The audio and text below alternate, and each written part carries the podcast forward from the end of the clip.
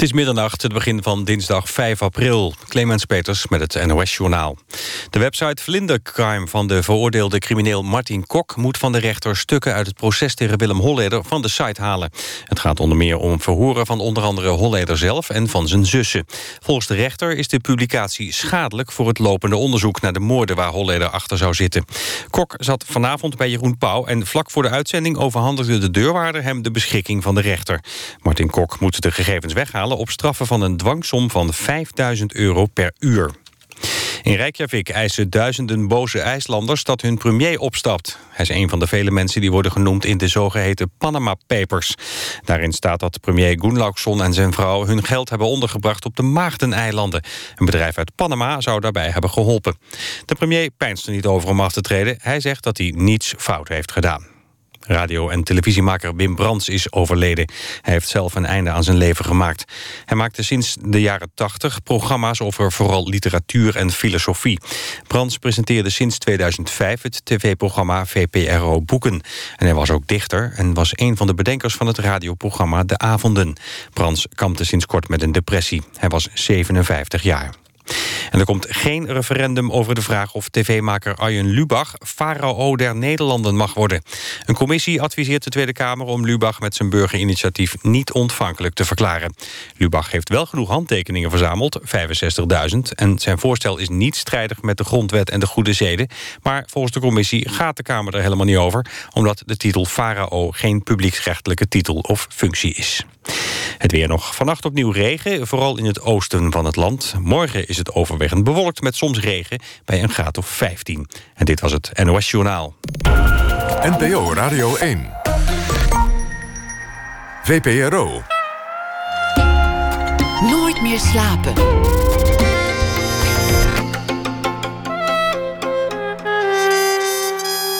Met Pieter van der Wielen. Goedenacht en welkom bij Nooit meer slapen. Kort voor deze uitzending kwam het bericht dat Wim Brands is overleden. Dichter, journalist en presentator en vooral collega. Wim was sinds jaren verbonden aan de VPRO als radiomaker, televisiemaker, maakte programma's als De Avonden, Brands met Boeken. Het is voor ons een uh, enorme schok. Morgen zullen we in Nooit meer slapen uitgebreid stilstaan bij de dood van Wim Brands. Maar dit moment is het nieuws nog te vers en eerlijk gezegd ook te hard. Iets meer dan een jaar geleden was hij te gast in dit programma om te praten over zijn dichtbundel. Smiddags zwem ik in de Noordzee. En hij las toen onder meer dit gedicht. In de eerste nacht, nadat ik had gehoord dat je ziek was, schrok ik wakker. Het waaide buiten. Het waait, zei jij, die nog geen oog dicht had gedaan, en je glimlachte. Ik begreep het pas later. Wat er ook is, het zal de natuur een zorg zijn. Het waait. Het waaide. Buiten klonk de troost van de onverschilligheid. De troost. In datzelfde gesprek sprak ik met Wim over de troost die hij vond in de natuur, in wandelingen en vooral in boeken. Ik weet bij God niet waarom, maar ik had dus blijkbaar ik had ook een bank kunnen gaan beroven. Of ik had ook, ik had ook misschien wel eh, in een jeugdgevangenis terecht kunnen komen. omdat ik van ellende inbreker was geworden of zo. Maar ik ben, ik ben, eh, ik ben boeken gaan lezen. Ja, dit klinkt heel banaal wat ik nu zeg, maar dat is echt zo. Gewoon in een bibliotheek naar binnen lopen. Dan weet ik nog wel dat ik boeken begon te lezen. En dat heb ik ook wel eens zo uitgedrukt. Dat je stemmen hoorde. En dan bedoel ik echt stemmen hoorde. En dat je dacht, Jezus, dit bestaat ook allemaal. Dus het was niet een manier om je af te sluiten, maar juist een manier om jezelf aansluiting te verschaffen. Ja, dus dat is, dat is het. Dat is uh, lezen, dat, uh, dat, is voor mij, dat is echt voor mij aansluiting geworden. Morgen in Nooit meer slapen zullen we uitgebreid stilstaan bij het overlijden van Wim Brands. En ik weet dat ik namens de hele VPRO spreek als ik zeg dat we hem zullen missen als een bijzondere collega. Hij luisterde graag naar Johnny Cash.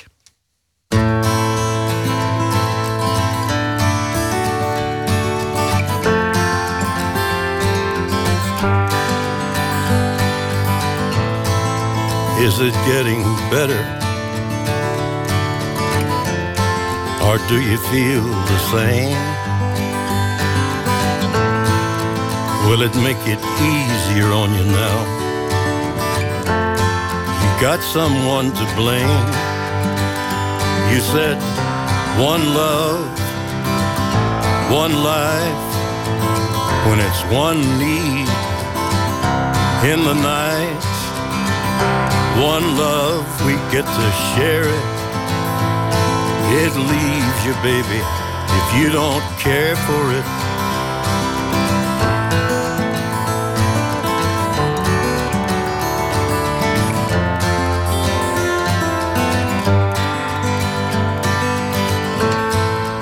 Did I disappoint you?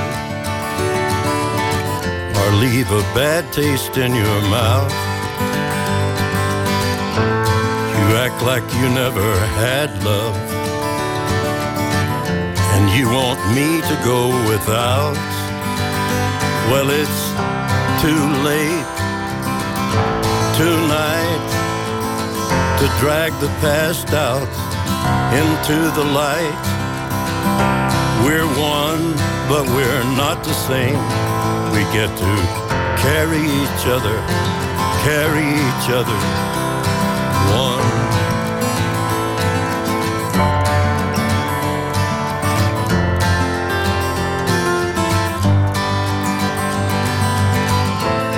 Have you come here for forgiveness? Have you come to raise the dead? Have you come here to play Jesus? To the lepers in your head? Did I ask too much? More than a lot? You gave me nothing now. It's all I got. We're one, but we're not the same. Well, we hurt each other, and we're doing it again. You say love is a temple, love a higher law. Love is a temple, love the higher law. You ask me to enter, but then you make me crawl. And I can't be holding on to what you've got. When all you've got is hurt, one love, one blood, one life, you've got to do what you should. One life with each other, sisters, brothers. One life, but we're not the same. Get to carry each other, carry each other. One.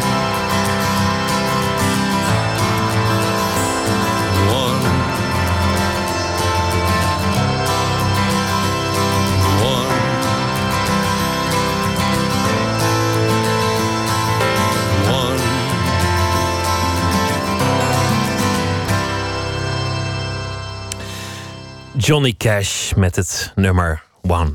Hans Dagelet, welkom. Fijn dat je er bent. Ja. Acteur, muzikant, schilder en schrijver. Uitgenodigd vanwege de Werkmans-suite. Een bewerking van een tekst met muziek. Een tekst die Hendrik Werkman schreef in 1923. Drukker en kunstenaar over het belang van de kunst en van moedig leven. Het wordt opgevoerd in het noorden des lands. Te beginnen in Drachten, daarna in Groningen en in Assen. Door het Noordpoolorkest. En de tekst wordt voorgedragen door Hans Dagelet, acteur, muzikant, schilder en schrijver. En hier te gast. Welkom. Dankjewel. We gaan maar gewoon. eh, Ja, wat ik nog even wou zeggen, wat ik zo mooi vind van, van, van Wim Brands... dat hij dus eigenlijk via literatuur, via boeken... aansluiting vond bij de wereld. Dus in mijn geval is dat ook eigenlijk gebeurd... toen ik op de middelbare school zat... dat ik eh, via mijn Nederlandse leraar eigenlijk begon met boeken lezen. Ehm, en dat ik, ik noem maar een voorbeeld... eh, Simon Vinkoog las, Hoogseizoen...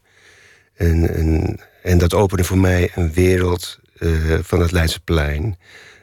van de vijftigers die toen leefden. Die kunstenaars noemden zich dus vijftigers. En ik dacht, eh, daar wil ik bij horen. Daar wil ik zijn, op die plek. En dat, dat je dan zoveel jaar later, dan ben je er. Dan zit je ben je op die plek, te midden van die mensen. Dan is de tijd weliswaar veranderd. Zijn de vijftigers geen vijftigers weer, meer. Maar dat is natuurlijk ook het mooie van tijdperken, dat ze vergaan.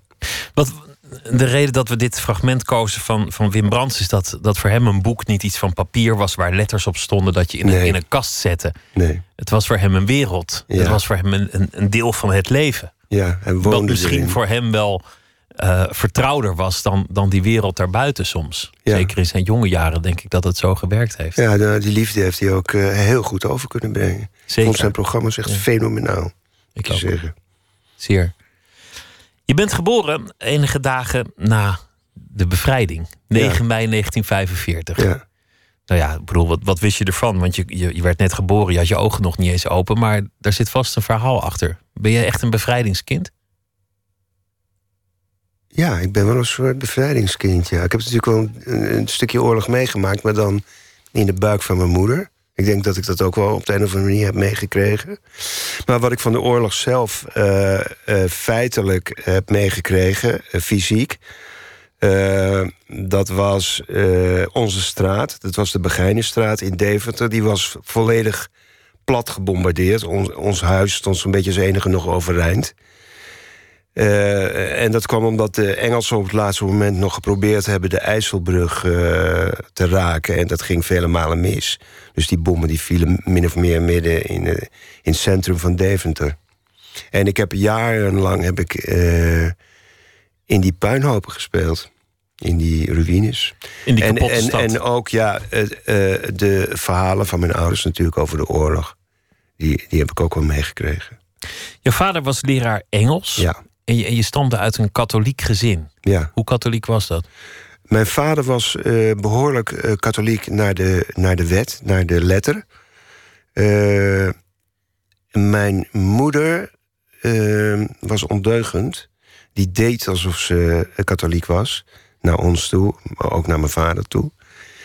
Eh, die ging weliswaar keurig naar de kerk voor zoveel mogelijk. Later kwam ik er wel eens achter dat ze dus eh, niet naar de kerk. Ze, liep wel richting kerk, maar nam dan een bocht en ging vervolgens naar Hotel de Wereld koffie drinken in plaats van naar de kerk. Maar mijn vader was echt, echt een katholieke man eh, die. die in het katholieke geloof, het katholieke geloof aanhing. Maar naar mijn idee heel erg, naar de vorm en niet inhoudelijk. Dus ik heb eigenlijk eh, van het inhoudelijke eh, weinig meegekregen, maar heel veel van de vorm. Ik vond de rituelen in de kerk eh, heel mooi, die spraken mij aan, de wierooklucht. En het was voor mij een soort van theater. Ik keek mijn ogen uit naar de, naar de misdienaars, hoe die dat deden. Vooral hoe ze het in mijn ogen niet goed deden, verkeerd deden. Eh, hoe de priester zijn mis opdroeg. En dat resulteerde daarin dat ik eh, zelf een kerkje creëerde boven in, eh, in ons huis, in mijn slaapkamer. Daar, was een, daar had ik een altaartje, dat was helemaal gefiguurzaagd. Het zag er echt prachtig uit. En ik had alle, alle voorwerpen, de, de monstrans, de, de, ke- de kelk, eh, ik had een, het misboek, ik had de kandelaars. Er- was zelfs een soort lopertje op het, op het altaar. Ik had hele grote kandelaars, er staan met grote kaarsen. En ik had ook een wierookvat. Eh, dat was ook door een van mijn ooms nagemaakt. En een tante had voor mij een priesterpak gemaakt met kasuifel, alles. Helemaal gewoon zoals Dus je was eigenlijk in het echt. Klein Dus ik- priestertje ik al. was een priester en ik ging dan eh, eh, quasi Latijn brabbelend en, en zo eh, missen opdragen. Soms met publiek, soms zonder publiek. En er was ook nog een biechtstoel in mijn, in mijn slaapkamer. Dat was een kast. En die, daar konden twee personen in. En dan had ik de helft van de kast had ik op de, in de helft had, had ik, in, ik had ingedeeld, die twee delen. Er hing een laken met een vierkant waar ik doorheen kon kijken. Daar zat ik dan achter. En dan moest degene die bij mij kwam biechten... moest dan voor dat laken gaan zitten op zijn knieën. En eh, zijn zonde eh, beleiden. Dus eigenlijk kan je bijna stellen dat je, dat je priester wilde worden en dat het later acteur werd bij gebrek aan geloof. Ik heb heel lang priester willen worden, inderdaad. Ik heb ook heel lang gebeden voor een broertje. Omdat ik zo graag een broertje wou. Ik wou heel graag iemand om mee te spelen. Mijn zusje was vier jaar ouder. En die had een soort eigen, eh, eigen vriendenclubje... dat helemaal niet bij mijn leeftijd paste. Dus daar kon ik geen aansluiting vinden. Ik was een vrij autistisch jongen, jongen... die niet zoveel vriendjes had. En ik weet niet, ik denk wel dat dat theater, wat ik eh, dus via de kerk heb meegekregen, dat dat, dat dat wel een rol heeft gespeeld bij eh, misschien mijn verlangen om theater te maken. Je moeder deed alsof ze naar de kerk ging, maar sloeg dan af om, om, om koffie te gaan drinken. En Ja. jij zei, daar, daar ben ik achter gekomen. Ja, ik, ik heb haar gevolgd. Hoe ging dat dan? ik zat mijn moeder ongelooflijk op de hielen. Het was echt niet te doen. Ik was een beetje puber aan het worden en ik, mijn geloof in alles wankelde. En eh, ik werd een soort pimpandoer, een soort van detective die wel precies wel weten hoe het in elkaar zat. Want je dus ik ging mijn moeder schaduwen gewoon. Ging gewoon- maar hoe ik had al het vermoeden dat ze niet naar de kerk ging. Maar ik wou het gewoon zeker weten. Dus eh, dat we- ben ik er gaan volgen. Maar ble- bleef je dan bij elke hoek staan en dat zij dan het hoekje omging en dan, dan liep Ja. jij verder en dan... ja, zo ging dat. Ja. Waar ben je nog meer achter gekomen? Ehm, nou, wel achter een aantal dingen. Ehm, ik mag het eigenlijk niet vertellen, want ik heb mijn zuster beloofd dat ik het allemaal niet meer zou vertellen. Die vindt dat heel kwalijk dat ik over mijn familie uitweid en over allemaal dingen die, eh, die heel eh, intiem zijn eigenlijk. Maar het was allemaal niet zo, niet zo katholiek het, als eh, het leek. Het was allemaal niet zo katholiek als het leek, nee. Nee, maar mijn vader, mijn vader was echt ja, heel erg gelovig. Die elke zondag naar de kerk ging. En, en we, voor het eten en na het eten baden we ook altijd. Zo, al die vormen werden in acht genomen. Zelfs rozenkrans. In in je had een vaste tijd. En dan ga je rozenkrans bidden, hè? En, eh, dat, dat doe je dan naar believen, zo vaak als je maar wil. Nou, echt een paar keer per week eh, lagen we op onze knieën. En eh, de hele rozenkrans bidden. Ik weet niet, er zijn waarschijnlijk heel, veel, heel weinig mensen nog die weten wat een rozenkrans is. Ik weet het nog wel. Ja, ik heb het zelf niet meer meegemaakt, maar ik weet Ben je het zelf katholiek? eh? Nee, nee, nee. godzijdank. Nee. Wanneer viel je van het geloof af? Wan- Wanneer geloofde je er Eh, niet toen meer ik in? ging masturberen. Ging dat helemaal Dat is een tegelijk? doodzonde, hè? en dan kom je in de hel. Dus, dus er was ook wel een soort belang om van je geloof af te vallen. Ja, maar echt eh, ja, puur eigenbelang dat ik van mijn geloof afviel. Dit is zo Ik lekker. niet naar de hel. nee, ik vond het gewoon doodeng om een priester te vertellen dat ik masturbeer. En Het, was, het is een hele erge zonde. En dat eh, resulteerde ook daarin dat ik eh, mij probeerde te onthouden van masturberen. En dan ging ik eh, kruisjes op het behang tekenen van mijn slaapkamer... van alle dagen dat het me gelukt was om, om, om het niet te doen. En dan viel ik weer door de mand. En dan waren al die kruisjes die er stonden alweer voor niks geweest. Het gaf echt een enorm schuldgevoel. En ik moet je wel zeggen, het biechten werkte helend. In die zin dat als ik gebiecht had, echt het gevoel had...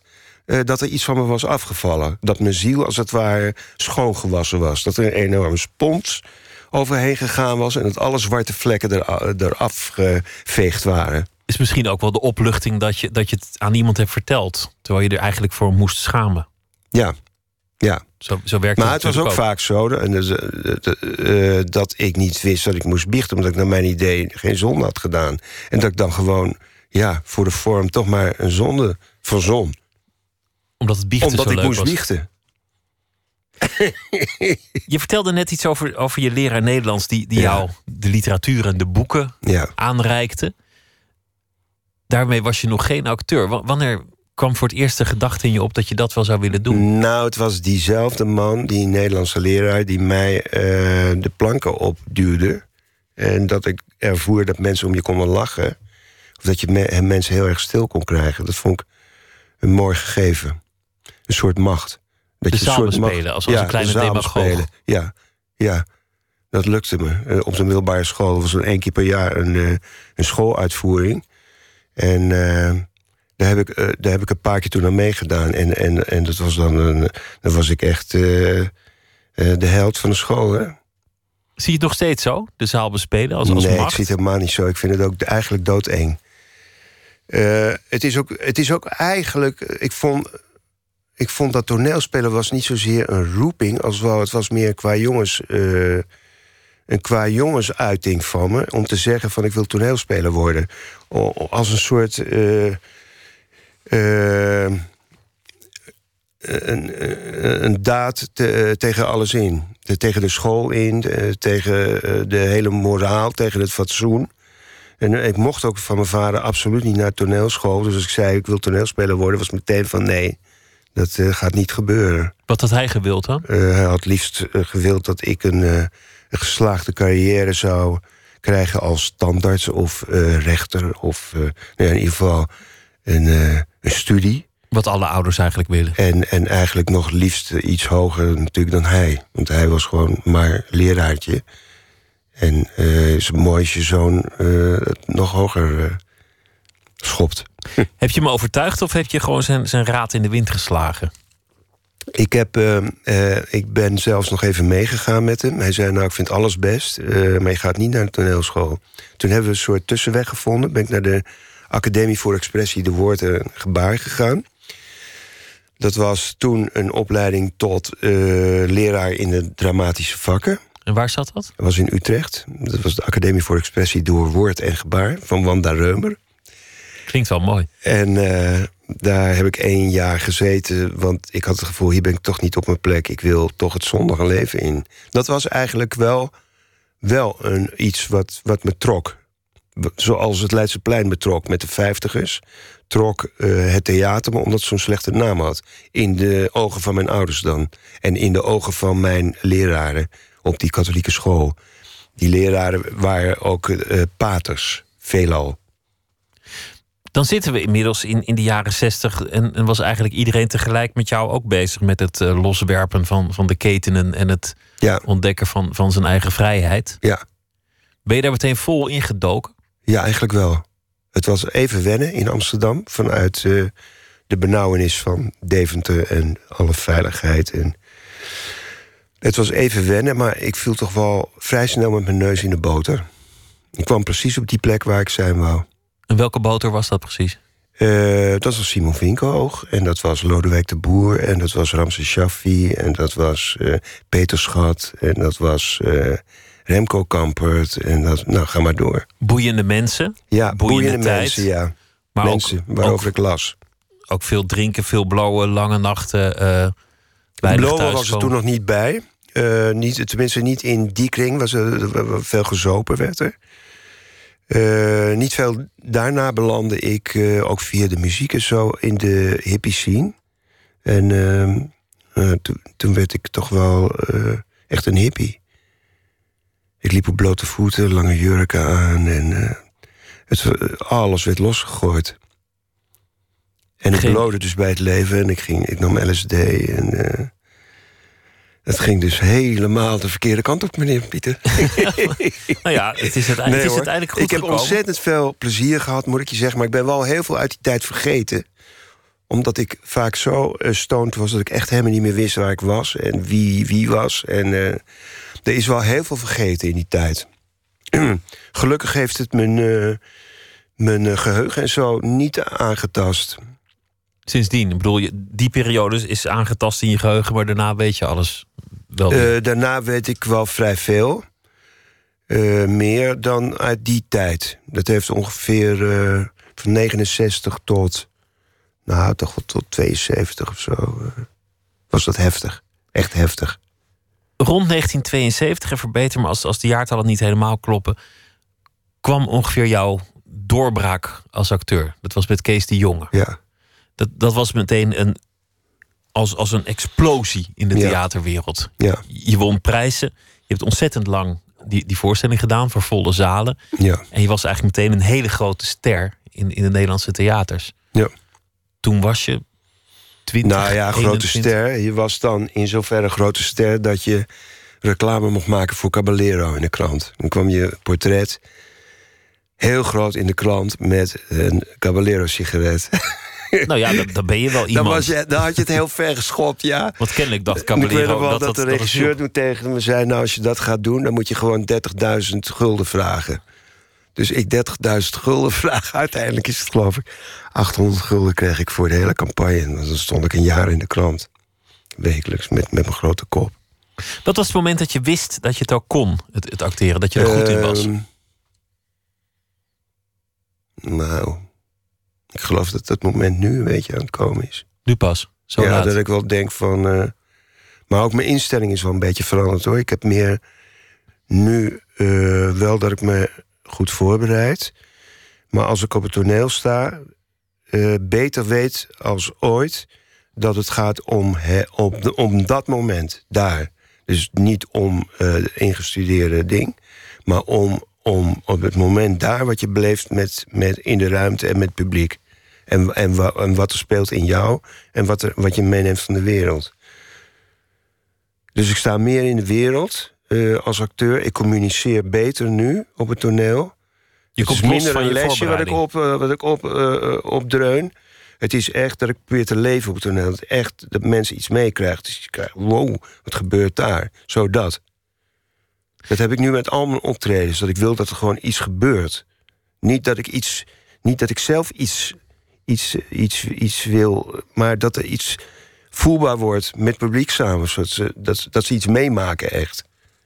Eigenlijk wel, wel jammer dat je 70 moet worden om, om dingen echt Ja, te maar begrijpen. eh, beter laat dan nooit. En eh, ehm, het is zo, eh, ja, ik, bedoel, er zijn nog zoveel dingen die eh, te wensen overlaten, die beter kunnen en anders kunnen, en die ik ook nog wil doen.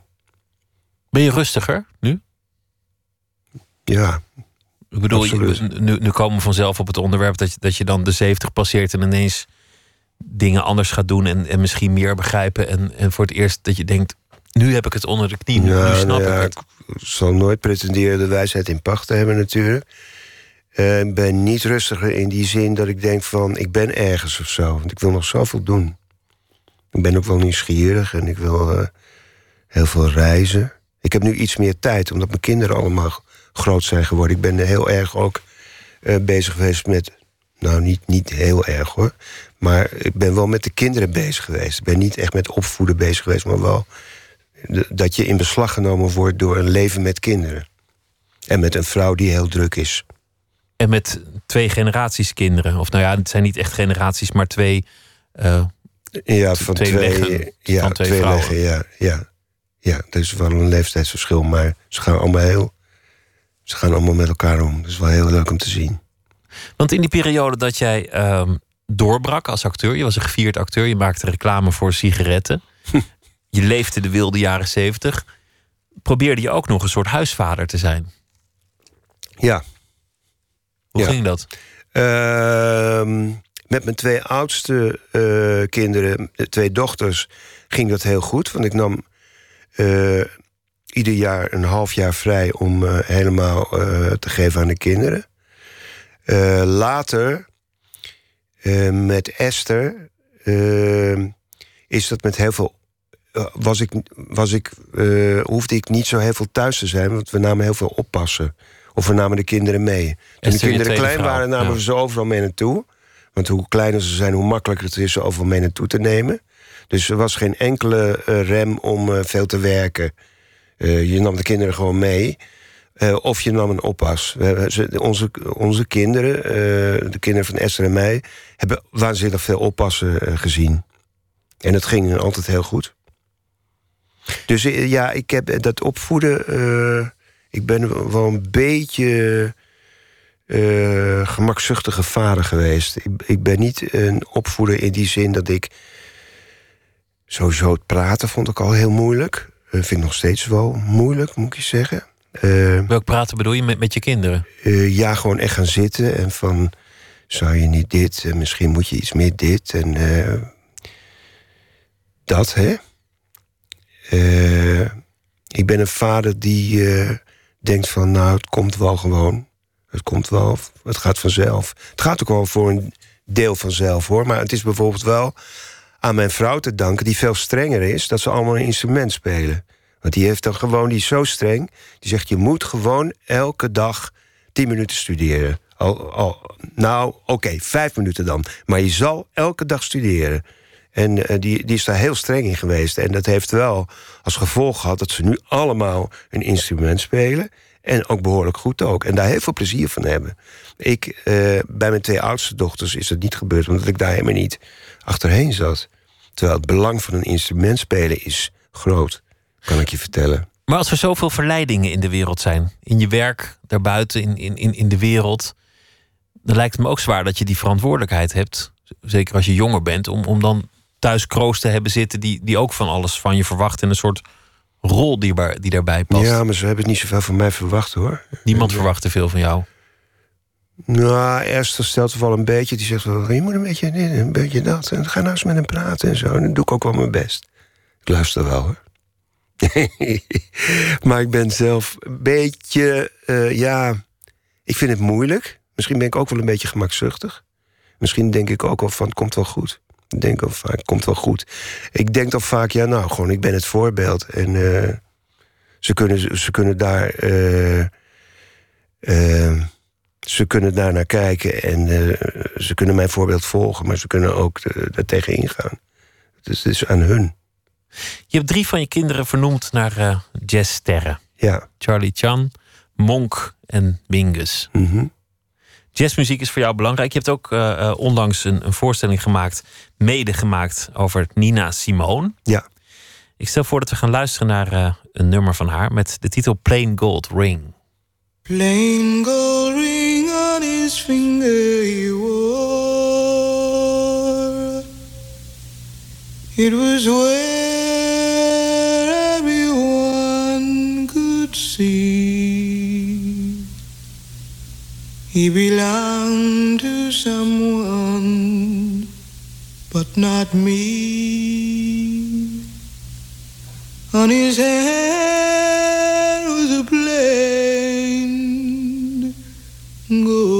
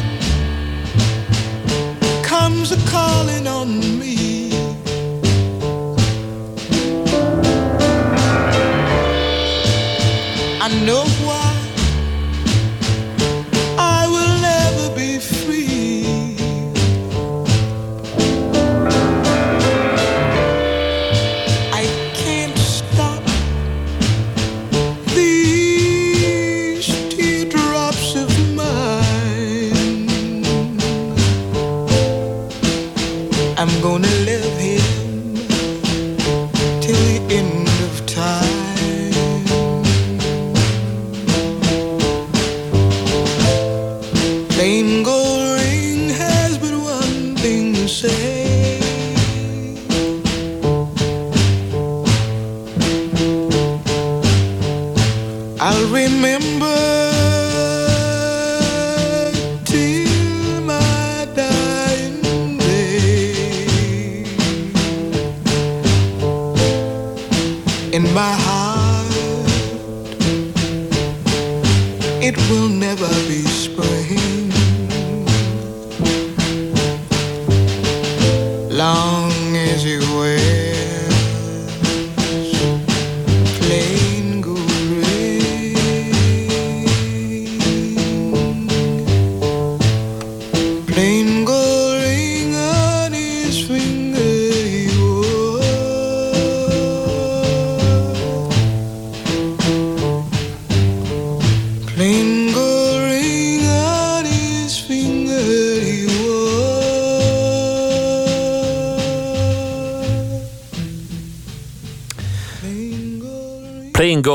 Van Nina Simone. Van het uh, album Little Girl Blue uit 1958. Haar uh, eerste album. Hans Dagelet zit tegenover mij.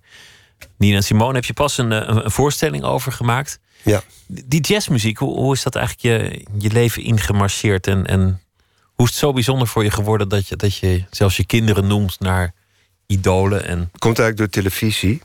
Ehm, ik zag, ik zag eh, Louis Armstrong op televisie eh, toen ik jong was. En eh, het gek was, ik wist eigenlijk niks van jazzmuziek af. Want bij, bij ons thuis werd Charlie Koens gedraaid. En James Last. En, en, en Marlene Dietrich. Helemaal geen jazz. Ook geen klassieke muziek.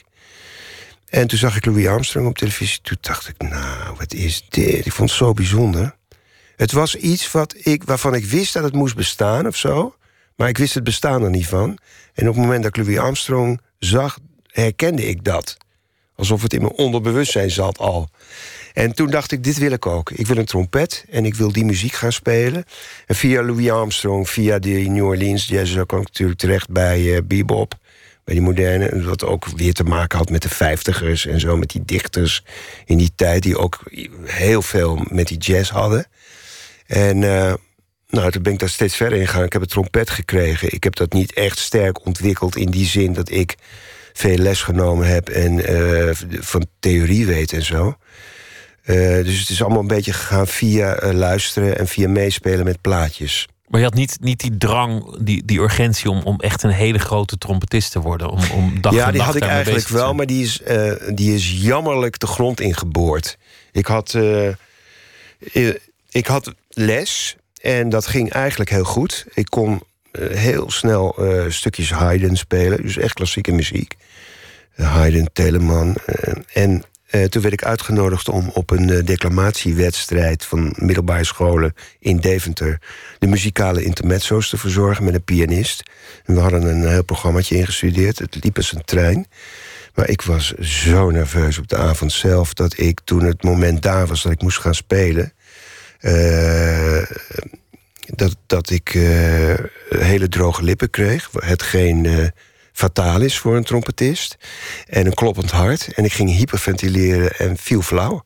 En donderde met trompet en al. En met standaard met muziek zo de zaal in. Met als gevolg een joelende zaal vol kinderen. En ik kwam bij achter het toneel. Werd, uh, keek oog in oog uh, met mijn leraar Nederlands. Die heeft me toen naar huis gebracht. En vanaf dat moment heb ik nooit meer klassieke muziek gespeeld. Heb ik geweigerd noten te spelen. Het was zo'n trauma. En het heeft echt jaren geduurd voordat ik weer een beetje op gang kon komen. In die zin dat ik niet zo nerveus was met trompet spelen. In het begin moest ik dan echt een kwartier lang, als ik moest spelen, een kwartier lang op een stoel zitten. En als ik dan merkte dat ik relaxed bleef, dan durfde ik te gaan staan en werd ik vrij in het spelen. En, je... en ah, ik, was, ik was denk ik wel muzikant geworden anders, als dit niet gebeurd was. Heb je dat soort worstelingen ook gehad met het acteren? Want dan sta je toch ook voor een zaal en, en dan, dan kan je ook afgaan. Dan zijn er ook allerlei redenen om, om zenuwachtig het te zijn. Het gekke is dat de, van, van, de acteren voor mij eigenlijk nooit zo'n uh, serieus ding is geweest. Ik had altijd met acteren iets van: ik vind het hartstikke leuk, doe het er gewoon bij. En als het, uh, als het niet meer lukt met acteren, dan word ik gewoon welzijnswerker. Of ik ga wat anders doen. Of ik word schrijver, of weet ik wat. Maar omdat het niet echt je droom was, kon je het? Ja, ik weet niet of ik het kon. Maar je was er niet nerveus voor in ieder geval? Ik nee, ik had er nee, niet nerveus voor. Nee. Nee. Is het ook nooit gekomen toen je, toen je het ging maken, toen de volle zalen kwamen, toen, toen de grote prijzen kwamen, de recensies? Nou, dat je... zekere, zekere, zekere nervositeit, maar nooit zoals met trompet. Dat het echt, uh, ben ik nog steeds heel erg nerveus als ik trompet moet spelen. En dat duurt dan maar kort. Als ik er doorheen ben, dan, uh, dan, dan, dan vind ik het echt zo fijn. Ik, en, weet je wat ik het mooie vind daarvan? Uh, dat het zo ongelooflijk uh, direct is. Dat het ook het publiek, bij het publiek meteen de oren inkomt. En, en, en meteen ook op de hersens werkt. Zonder dat ze erover hoeven na te denken. Een klank is een klank. En dat maakt meteen een, een emotie los of een gedachte of een associatie. Terwijl woorden, je, je bedient je als acteur van zinnen, van woorden. Uh, je zit in, in een constructie van een stuk. Uh, wat, een, wat, wat ergens over gaat. Dat is allemaal heel ingewikkeld. Terwijl muziek eh, zo streed is en zo komt meteen, komt meteen je hoofd in, zonder barrières. Ik heb jouw boek gelezen en, en dat heeft eigenlijk diezelfde sfeer die, die eh, Charlie Parker had in, in zijn jonge jaren, namelijk recht vooruit. Gewoon eh 1, 2, 3 gaan. Dat, dat ruwe, dat ongepolijste, dat zit ook heel erg in die taal die jij, die jij hebt opgeschreven. Ja, maar die taal is wel heel gestileerd hoor. Vergis je niet. Maar het heeft die directheid. Het, het is ja, ruw. het heeft wel een directheid, ja. Het gaat, is over, ook- het gaat over een lekkere natte kut. Dat, dat, is, dat is misschien wel gestileerd, maar het is ook ruw. Nou, je haalt er wel iets uit. Hè? er staan ook wel andere dingen Er in. staan ook wel andere dingen in. Lidwoorden, werkwoorden. Maar ehm, ja, misschien is het ook wel zo, ja. Ja, het is wel, eh, voor mij is het ook een soort muziek. Wel, taal. Zo bekijk ik het ook als acteur eigenlijk. Ook als Vandaar muziek, dat ik waarschijnlijk vaak gevraagd word om eh, met eh, ensembles... als er tekst is of zo, dat, dat ze mij vragen om met hun die tekst te doen. Zo ga ik ook weer iets met toontelligen doen in de November Music. Zo, ik denk dat dat daardoor komt dat ik eh, taal als muziek eh, beschouw. Dus er zit een ritme in taal, er zit klank eh, in taal... En, en, en er zit dynamiek in taal. En je kan taal echt benaderen als muziekstuk. Of als een schilderstuk met kleuren. Dit stuk is blauw, dit stuk is knalrood... dit stuk is een soort violet. Dat is wat die, die werkmanssuite eigenlijk ook Ja, het is behelst. violette jaargetijden, hè? Vertel eens. Zo heet het zo. Het, het- dat pamflet wat centraal is in de werkmanssuite... dat, is het, eh, dat heet het Violette Jaargetijden. Dat is een oproep eh, van Werkman aan kunstenaars... eigenlijk all over the world... om, eh, om op te staan uit je genoegzaamheid... eh, de wereld tegemoet te treden... en te zeggen van kijk om je heen, getuig van wat je wil... maak je, maak je onafhankelijk, maak je vrij... doe waar je zin in hebt, doe wat je van binnen voelt... Eh, en dat was natuurlijk heel erg eh, op zijn plaats in het Groningen van die tijd. Wat een soort zelfgenoegzaamheid was, waar geen reet gebeurde. In het 1923 was dat? 1923. Geen reet. Er waren tentoonstellingen van schilders die nog keurig landschapjes schilderden. volgens de beproefde methode uit 1800, bij wijze van spreken. En eh, hij behoorde tot een, een kliekje van die gasten daar die echt iets anders wilden. Die ook heel, wel heel erg beïnvloed waren door het expressionisme en door Dada en dat soort dingen. En Werkman was daarin de aanvoerder. Die was ook heel begaafd eh, verbaal gezien. Dus die gebruikte zijn, eh, zijn, zijn, zijn, zijn eh, talent om ook zijn idee uit te dragen in woorden. In, in- bijna zo in, ge- in gedichtvorm, in klankvorm. Beetje Dada-achtig met heel veel humor, maar ook wel scherp en ook wel soort van streng. Hij is vooral bekend geworden aanvankelijk als, als drukker. En, Ja. en, en later als, als kunstenaar. En natuurlijk het einde van zijn leven. Hij is gefusilleerd door de Duitsers in 1945. Daar is altijd veel om te doen. Vorig jaar was vanwege dat 70-jarige jubileum van zijn dood, of hoe moet je dat zeggen, de 70-jarige herdenking van zijn dood, eh, was het werkmanjaar. En toen kwam de gedachte op: laten we iets doen wat van nu is, met muziek van nu, met een tekst van nu, maar wel in de sfeer en gedachten van die tekst van, van wat er nu is gebeurd is dat er een suite is gecomponeerd. Dat is gewoon hedendaagse muziek. Dat is eigenlijk gewoon jazz voor big band. Heel goed hoor, moet ik je zeggen. Eh, en dat daar teksten in verweven zijn van Werkman, uit die tijd van Werkman, gewoon van hem. Eh, maar daar zit middenin een stuk dat is geschreven door eh, De Wolf. Eh, eh, dat is een acteur. Eh, die heeft een geniale tekst geschreven als reactie op eh, het violette tijdperk van Werkman. Eh, Werkman roept op tot getuig, spreek, naar de dageraad. Als je pionier wil zijn, naar de dageraad. Een orkaan moet komen, laat hij komen. Zo allemaal dat soort teksten. En de wolf, die, die heeft zijn tekst geschreven als reactie op dat violette tijdperk. En die vraagt, dus, die vraagt zich dus af in die tekst van... kan je nog zeggen getuig? Kan je nog zeggen eh, spreek? Kan je nog zeggen, is het allemaal zo ingewikkeld om te reageren... om te wijzen naar dingen die jou raken? Is dat allemaal zo moeilijk nu, vandaag de dag? En eh, die dingen die Werkman zegt, geldt dat, geldt dat nog? Of is dat zo? Want het is nu heel actueel, die oproep om moedig te zijn, om naar voren te treden, om, om datgene te maken waarvan je vindt dat het belangrijk is. Ja. En niet datgene waarvan mensen willen dat je het Ja, doet. het of- meestelijke vind ik dat hij dus... eh, hij heeft een heel ingewikkelde constructie qua taal, eh, die wolf. Eh, het gaat dus eigenlijk over de ingewikkeld... Is het allemaal zo ingewikkeld vandaag de dag? Is het zo ingewikkeld om gewoon te reageren, te zeggen, te zeggen waar het op staat, wat je vindt en zo? En komt, uiteindelijk komt hij in, in een betoog wat heel goed opgebouwd is minimalistisch blokje voor blokje, eigenlijk zoals het drukwerk van Werkman, komt hij terecht bij de banken bij, bij, bij de bankiers.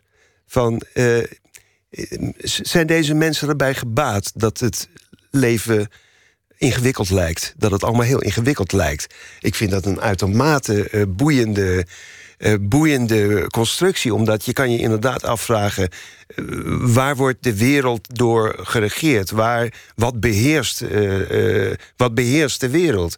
Nou, volgens mij wordt de wereld beheerst door zucht naar geld, naar macht, naar bezit. Je ziet nou waar het op uitloopt met al die ongelijkheid die er is... en ja, die, die enorme tegenstellingen die er zijn. Terwijl we allemaal deel uitmaken van hetzelfde menselijke ras. En op één bolletje eh, leven. En de kunst moet daar iets, iets tegenover stellen. Ja. Jouw eigen bestaan gaat ook voor, voor een heel groot deel toch over dat je het altijd zocht in, in, de, in de creativiteit. Als, als beeldend kunstenaar, als muzikant, als schrijver, als acteur. Ja. Je bent vooral bekend geworden als acteur, maar je hebt, je hebt al die dingen gedaan. Is dat voor jou ook geweest dat je het daarin kon vinden? Dat dat de wereld was die jou kon beheersen? Of dat, dat, die kunst voor jou een manier was om, om je tot de wereld Voor te mij verhouden? was er in, in ieder geval in mijn puberteit... Was er, voelde ik een enorme eh, benauwdheid. En voelde dat er allemaal dingen aan mij opgelegd werden... en dat er dingen van mij verwacht werden... waar ik gewoon niet aan wou beantwoorden. Ik wou mijn eigen eh, ding doen. En eh, dat heb ik altijd wel gehouden, geloof ik.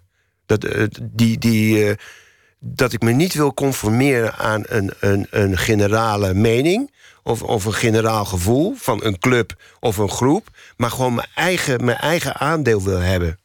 Mijn eigen, mijn, mijn eigen zegje wil doen. Moet, in ieder geval dat ik mijn eigen zegje moet kunnen doen. De prijs die je daarvoor betaalt is dat je het allemaal zelf moet ontdekken. Ja, En dus ook wel wat harder op je bek kunt gaan soms. ja dat kan, ja. Ja, ja dat, dat is inderdaad zo, ja. Ja, Ik wil luisteren naar iets wat je hebt gedaan met Spinvis. Je hebt een tijd met hem eh, getoerd Ja. als lid van zijn band. En op dit stuk ben je duidelijk eh, te horen. Dat heet Flamingo.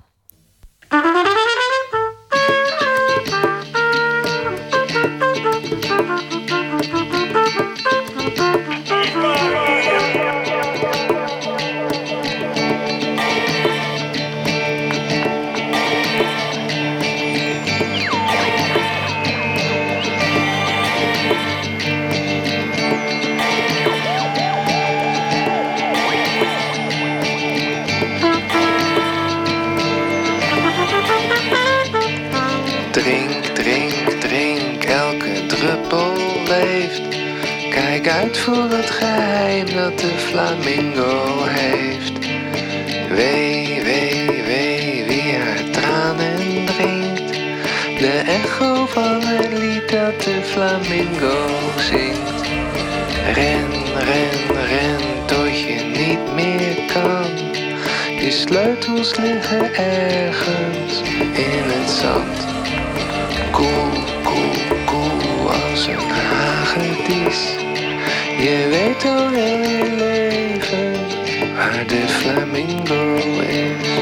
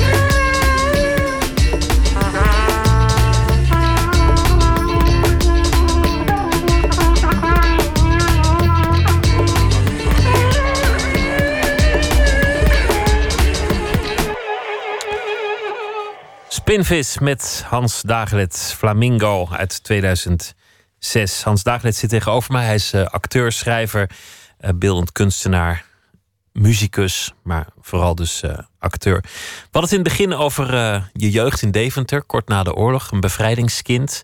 Je ouders waren zeer katholiek. Je moeder bleek toen je puber was wat minder katholiek. Je hebt er gevolgd en ze ging helemaal niet echt naar de kerk. Ze ging koffie drinken en andere dingen. Maar om daar nou over uit te wijden, dat leek je ook weer zo wat. Je vader, die was wel vroom en devoot.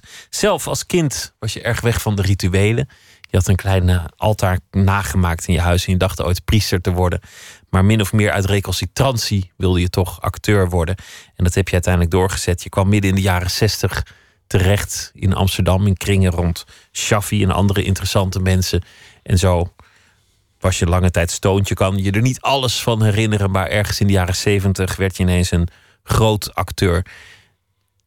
Tegen die tijd waren je ouders al dood. Allebei jong overleden. Jij zou 21 zijn geweest, 20, toen vrij kort na elkaar je ouders dood zijn gegaan. Eerst je moeder en toen je vader, allebei aan kanker. Wat heeft dat onvervuld gelaten? Want, je was toch min of meer in een soort gevecht met ze verwikkeld. Of, of misschien een soort strijd of een soort losmaken of afzetten. En ineens vallen zij weg. Um, het heeft eigenlijk niks onvervuld gelaten, tenzij ik het niet weet. Uh, mijn eerste gedachte was, toen ze allebei dood waren... van, nou, dit heb ik in ieder geval gehad. Dit is achter de rug. Dus dat hoef ik niet nog een keer... dit hoef ik niet meer mee te maken later. Je hoeft geen dat ouders, je ouders te verliezen. Dat je je ouders verliest. Dus dit hebben we gehad. En de tweede gedachte was, nu moet ik alles zelf doen. Uh, nu krijg je geen ijskast meer. Of uh, een zakcentje toegestopt. Uh, dus ik moet gewoon zelf, zelf rooien. Um, wat ik... ik heb wel het, nog heel veel aan mijn ouders gedacht. En vaak gedroomd ook. Ik had laatst zelfs een, uh, een droom over mijn vader. En uh, dat was een soort van. Uh, opnieuw, dat ik hem op, opnieuw ontmoette. En dat ik een soort behoefte had om met hem te praten van hoe, het, hoe het me vergaan was. En ik wou hem eigenlijk op de hoogte brengen van dat het eigenlijk wel goed met me ging. En dat je geen zorgen hoefde te maken. En het was, ik werd een beetje zo, uh, ja, echt wel ontroerd wakker.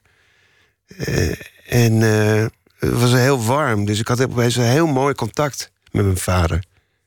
Dat vond ik heel, dat vond ik heel prettig. Terwijl dat mooie contact er bij leven en welzijn misschien niet echt is geweest. Niet met nou, jou als volwassene. Ik moet je zeggen, op het moment dat hij dus tegen mij had gezegd... ik ben ziek en ik moet geopereerd worden toen had ik uh, de dag voordat hij opgenomen werd in het ziekenhuis waar hij overleden is, uh, had ik een, eigenlijk voor het eerst een, uh, ja, toch wel een heel lief gesprek met hem over van alles. Ik het gevoel had dat hij echt voor het eerst zo ook echt naar me luisterde en dat we een, een soort gelijkwaardigheid, gelijkwaardig waren. Terwijl daarvoor altijd was hij mijn vader. En van je moet dit en je moet dat. En je moet wel uh, zo, uh, allemaal lesjes en zo. En nu was het een soort van gelijkwaardigheid. het was het laatste gesprek wat we hadden.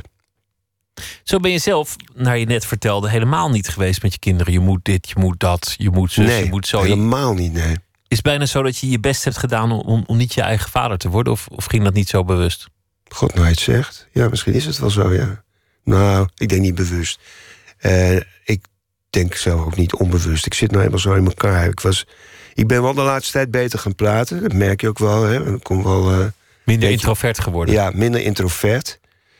Uh, dus dat, dat, is, dat, dat is wel dat is enorm veranderd. De laatste tien jaar wel. Ook door het schrijven hoor. Dat viel me heel erg op. Dat ik, zo, toen ik me echt met taal ging bezighouden zelf met het schrijven van een boek, merkte ik ook dat ik opeens heel makkelijk begon te praten. Raar, hè? Toen je dat daarvoor nooit had gedaan? Nee, voelde minder. Je zei, dat, je zei dat je dat ook moeilijk vond met je kinderen. Dat je dan weer moet, moest praten. Ja. Dan neem ik aan dat je het dat ook heb ik nu nog met mijn jongste zoon. Die zit nou nog thuis. Dus ik heb nog een opvoedende taak. Uh, ik vind het gewoon moeilijk. Van, Esther zegt wel eens, ga nou eens gewoon met hem zitten en eh, ga met hem praten. Ik vind het zo, ja, als, oh, ik vind dat, ik, geforceerd voelt het voor mij dan. Dat moet, moet vanzelf komen. Als het echt nodig is, zal ik, ook, zal ik het ook wel zeggen. Dingen. Ik krijg allemaal al het beeld van iemand die, die op latere leeftijd, 71, ineens doorkrijgt hoe, hoe het allemaal eigenlijk zit en, en wat er allemaal mogelijk is. Nou, ja. Ik weet niet. Ik ben, ik ben wel altijd eh, heel erg mijn eigen weg gegaan, in- intuïtief. En misschien dat ik nu iets beter dingen onder woorden kan brengen. Dat is denk ik het enige verschil. Maar ik ben wel altijd heel erg vanuit mezelf bezig geweest. Mijn eigen keuzes gemaakt. Eh, niet ergens bij willen horen of zo.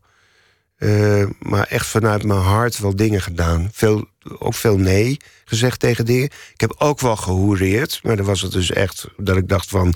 nu wil ik wel eens eventjes eh, goed geld verdienen.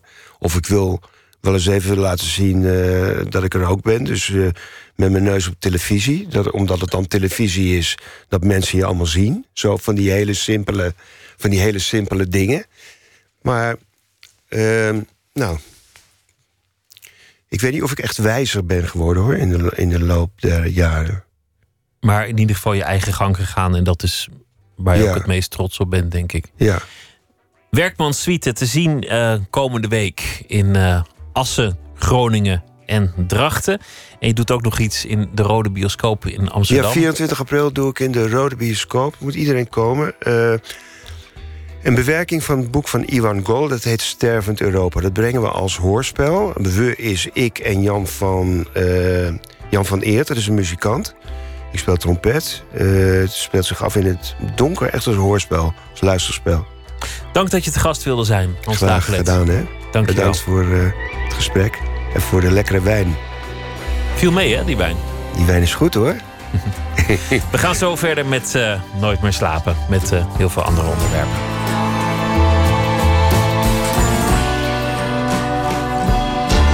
Op Radio 1. Het nieuws van alle kanten.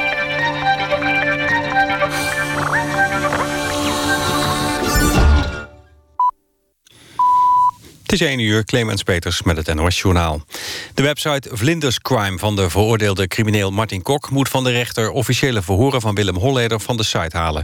Volgens de rechter is de publicatie schadelijk... voor het lopende onderzoek naar de moorden... waar Holleder mogelijk achter zou zitten. Martin Kok zat vanavond bij Jeroen Pauw in de uitzending... en vlak daarvoor overhandigde de deurwaarder hem de beschikking van de rechter. Kok moet de gegevens weghalen op straffen van een dwangsom van 5000 euro per uur. In Reykjavik zijn duizenden boze IJslanders de straat opgegaan. Ze eisen dat hun premier opstapt. Hij is een van de mensen die worden genoemd in de zogeheten Panama Papers. Daarin staat dat de premier Gunnlaugsson en zijn vrouw... hun geld hebben ondergebracht op de Maagdeneilanden. De premier pijnst er niet over om af te treden. Hij zegt dat hij niks fout heeft gedaan.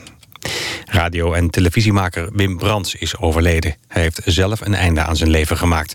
Hij maakte sinds de jaren 80 programma's over vooral literatuur en filosofie. Brands presenteerde sinds 2005 het tv-programma VPRO Boeken.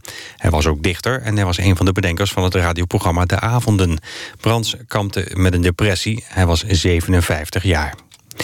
Er komt geen referendum over de vraag of tv-maker Arjen Lubach... farao der Nederlanden mag worden.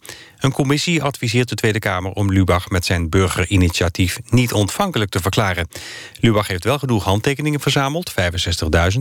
en zijn voorstel is niet strijdig met de grondwet en de goede zeden... maar volgens de Kamercommissie gaat de Kamer niet over deze kwestie... omdat de titel farao geen publieksrechtelijke titel of functie is. FC Twente moet opnieuw drie punten inleveren. De KNVB straft de club uit Enschede omdat die niet heeft voldaan aan de doelstelling om uit de financiële problemen te komen. Vorig seizoen kreeg FC Twente ook al twee keer drie punten aftrek. Als de club nog een keer in de fout gaat, dan wordt de betaald voetballicentie mogelijk ingetrokken. Het weer. Vannacht opnieuw regen, vooral in het oosten van het land. Morgen is het overwegend bewolkt met soms regen bij een graad of 15. En dit was het NOS Journaal. NPO Radio 1. VPRO. Nooit meer slapen.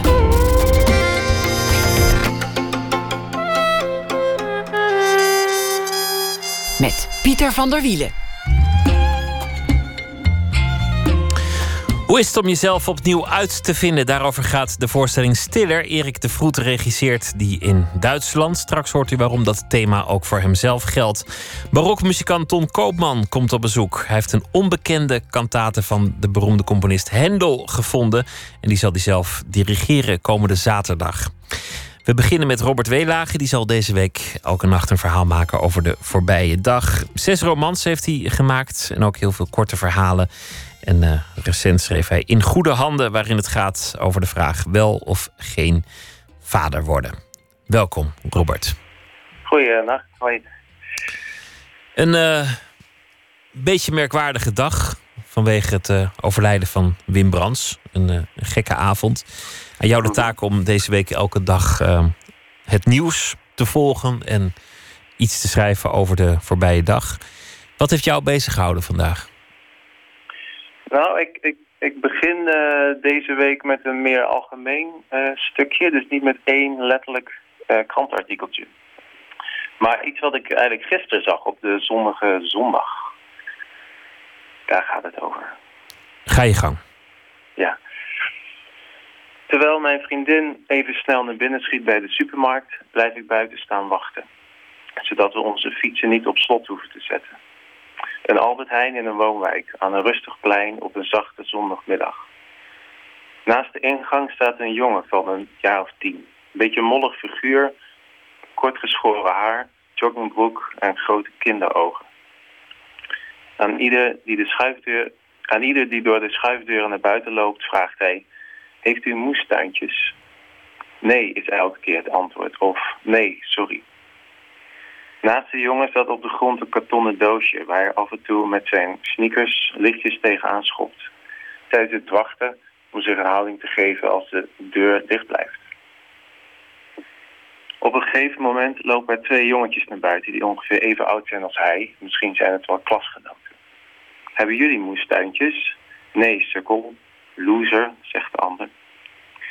De twee jongens lopen door en kijken om. Ik werp hen een vuile blik toe. De jongen in een joggingbroek kijkt met zijn grote kinderoog over zijn schouder naar de twee jongens. Het zit er al vroeg in bij mensen, besef ik. Vernederen, uitsluiten, onaardig doen tegen anderen. Die twee jongetjes hadden iets wat de jongen graag wilde. Het besef van macht dat dat hen gaf. Iets hebben wat de ander wil, maar het niet willen geven. En dat laat het merken ook. Ik kijk de jongen zo aardig mogelijk aan. Maar als hij me opmerkt, glimlacht hij niet terug. Waarom zou hij ook? Wat heb je eigenlijk aan volwassenen? Zij zijn het die het kinderen leren te vernederen. Het vernederen zit er al jong in. Ik herken wel wat je zegt, want zo'n zo'n schoolplein dat is natuurlijk uh, een kleine kopie die misschien nog wel iets directer is dan de, de samenleving, maar alle rottigheid is al vroeg aanwezig, toch? Ja, dat zag ik gistermiddag inderdaad. Dat, dat het groot, op, ja, op grote schaal zie je dit dagelijks in de krant, in het nieuws. En, uh, het, het wereldtoneel blijft een beetje een schoolplein. De machtigen, de onderdanen. Ja, hier blijft dat zien. De bevoorrechten, de niet-bevoorrechten, de, de, de pestkoppen. Alles is er al. Robert Weelage, dank je wel. Morgen weer een uh, verhaal. En voor nu wens ik je een hele goede nacht. Oké, okay, tot morgen. Hoi. Michael Kiwanuka komt uh, binnenkort met een nieuw album. De opvolger van zijn succesvolle debuut Home Again. Toen klonk hij als een singer-songwriter met heel veel rust. Maar nu klinkt hij als de soulzanger die hij eigenlijk altijd al wilde zijn. Luister naar Black Man in a White World. I've been low, I've been high. I've been sold all my life. I've got nothing left to play. I've got nothing left to say. I'm a black man in a white world. I'm a black man in a white world. I'm a black man in a white world. I'm a black man in a white. I'm in love, but I'm still sad. I found peace, but I'm not glad. All my nights and all my days, I've been trying the wrong way. I'm a black man in a white world.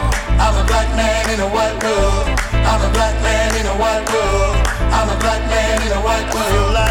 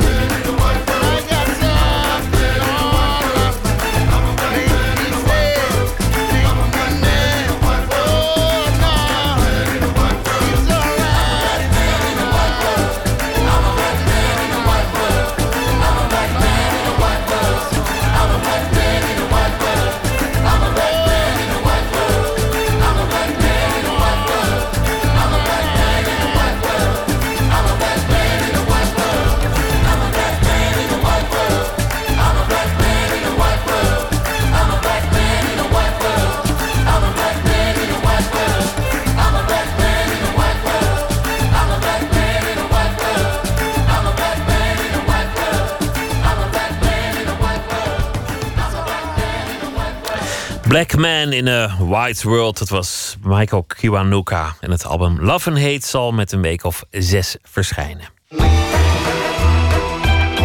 Nooit meer slapen. Hoe is het om jezelf opnieuw uit te vinden? Daarover gaat toneelstuk Stiller dat Erik de Vroet regisseert voor het theater in het Duitse Bochum. Verslaggever Adinde Akkermans zocht hem al daar op tijdens de première afgelopen weekeinde. Hallo, hallo, hallo. Danke, danke. Radio. Ja, wir können. Noch einmal. Ja, hier ist der Radio. Ist Adinda. Der Radio aus Holland. Ik ontmoet regisseur Erik de Vroet op het plein voor de schouwburg van het Duitse stadje Bochum. In Nederland staat hij bekend als een politiek regisseur van actueel en geëngageerd theater. Maar hier in het buitenland werkt hij de afgelopen maanden aan een klassieker. Stieler van Max Frisch. Met zijn Duitse acteurs loopt hij de schouwburg binnen via de artiesteningang. Over een uurtje begint de première. Heb je er eh, zin in? Ja, absoluut. ja, het is heel spannend. Zo'n eh, première is toch een soort zelfkwelling. Dat je een soort van ja, gevoel hebt dat je een soort van eh, je hoofd op het hakblok legt.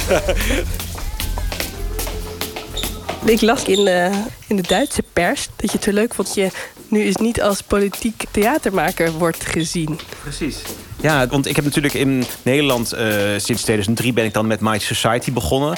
Eh, heb ik de hele Mighty Society reeks geschreven en geregisseerd en met allerlei debatten eromheen en programma's eromheen. En dat, ja, dan word je op een gegeven moment ook een beetje in Nederland zo uh, Mr. Politiek Theater of zo. Toen ik werd uitgenodigd om hier in Bochum te gaan regisseren, was het, zag ik ineens een mogelijkheid. hey, ik kan ook juist die stukken gaan doen die ik misschien in Nederland helemaal niet zo snel gaan doen. En ook voor mezelf ook bijna een soort ambachtelijke stap maken. Echt ook, ja, ook weer te gaan leren. Het is toch zo'n groot verschil ook in het Nederlands theaterwerk of in het Duits theater. Dus het bedoel, Duitse acteurs zijn heel anders dan Nederlandse acteurs. Nederlandse acteurs zijn toch wel, wat, labels zijn dat, maar zijn wel vaak medemakers. Maar soms zijn ze moeilijker aan te sturen.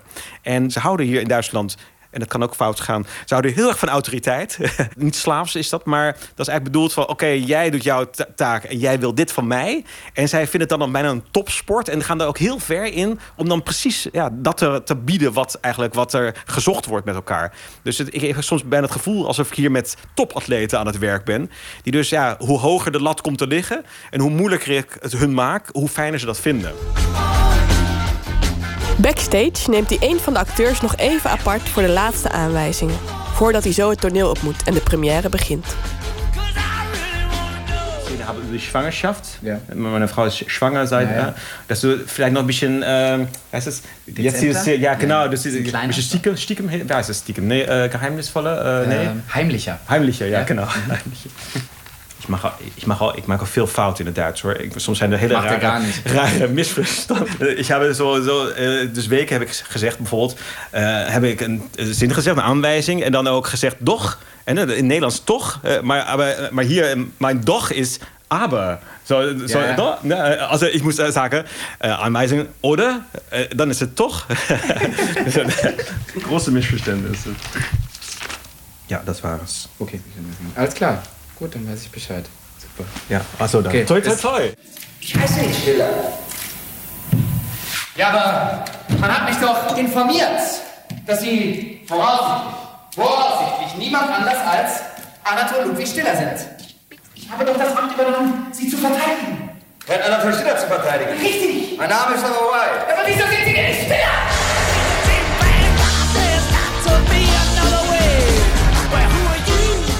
Wat mooi is aan dat boek van uh, uh, uh, Max Frisch, Stiller dat heeft een beetje te maken met wat ik net vertelde over mijn nieuwe identiteitszoeking, identiteitsvinding hier in Bochum.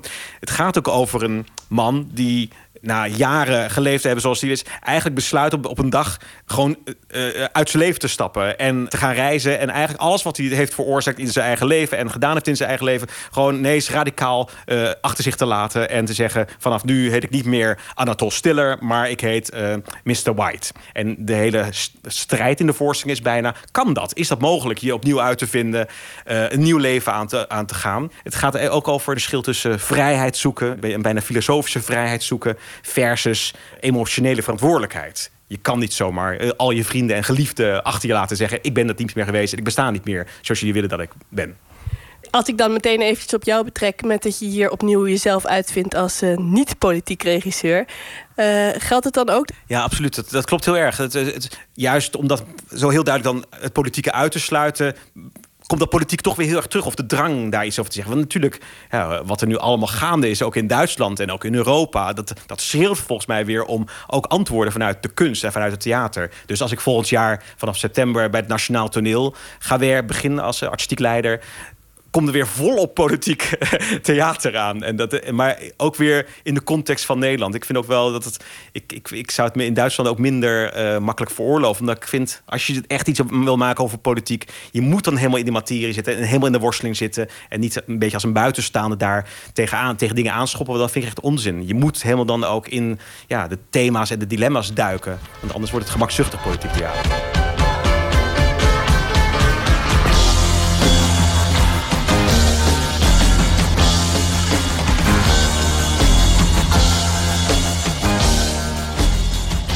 Nu je zo eventjes hier vanaf een afstandje naar Nederland kijkt... heb je dingen geleerd die je straks meeneemt als, nou, bij het Nationaal Toneel? Ja, absoluut. En, maar dat is op een, ook een heel ambachtelijk vlak. Uh, en dan gaat heel erg over hoe eh, stuur je een hele grote organisatie aan. Want uh, zo'n grote zaalvoorstelling... en echt een, dit is echt een, dus een hele grote zaal... waar duizend man in kan ongeveer... En maar ook achter het toneel zo'n ongelooflijk apparaat aan het werk is... voor die voorstelling. Uh, los van de acteurs en, het, en technici en grimeurs en kappers... en, en schoonmakers en nou ja, heel veel technici... decorbouwers, kostuummensen al die mensen moeten op één manier aangestuurd worden. En het is, ja, het is een soort van groot stoomschip eigenlijk... wat je, wat je moet zien te varen te krijgen. En het liefst ook in een andere richting dan normaal vaart. Want je wil ook als regisseur wil je altijd iets anders doen dan wat er al is. Dus je wil ook een verandering eraan brengen. Ik glaube, dat een kind een vrouw op een wijze erfüllen kan... wie een man nie vermag.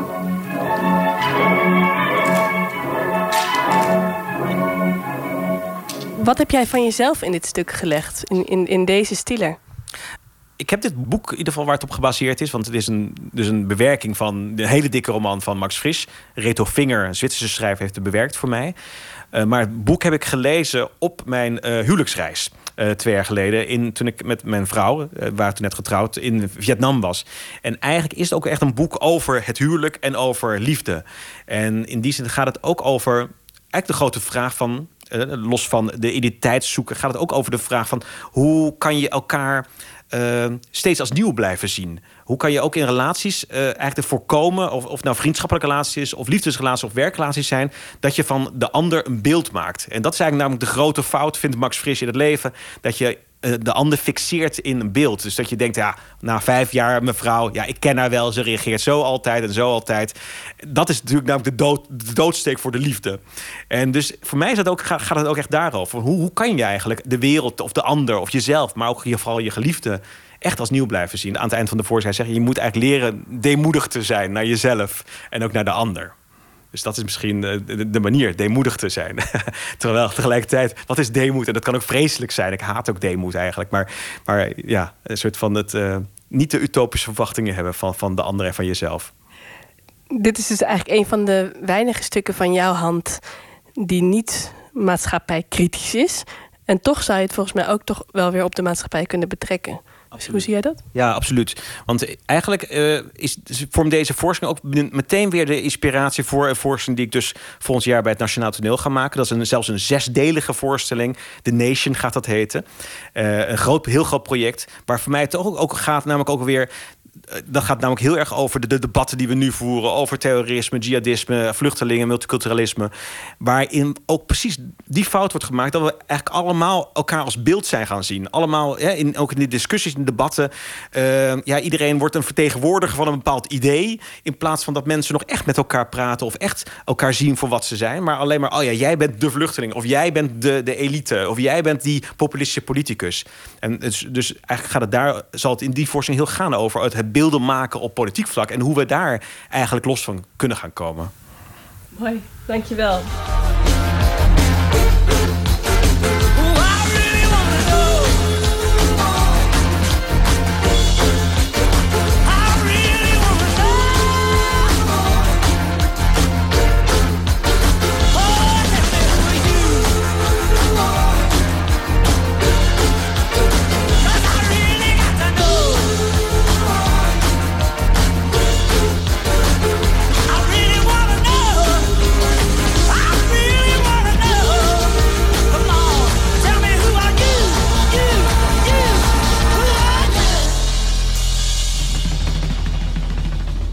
Het toneelstuk Stiller is nog tot en met 14 mei te zien in Bochum in het Schauspielhaus. En vanaf september dan treedt Erik de Vroet aan als artistiek leider van het Nationaal Toneel en zal zijn werk ook weer veelvuldig in Nederland te zien zijn. Een bijdrage van Adinda Akkermans. Aanstaande zaterdag de première van een compositie van Hendel. De barokcomponist uh, is al heel lang dood, uiteraard. Maar er is toch een nieuw stuk van hem. Dat is namelijk ontdekt in het archief van barokspecialist Ton Koopman. Een bijzondere ontdekking. Het gaat om een uh, sterk afwijkende versie van de kantate Tu Feder Tu Constante. Hier hoort u uh, straks alles over, want Ton Koopman is hier te gast. Maar we gaan eerst luisteren naar de reeds bekende versie van deze kantate HWV 171.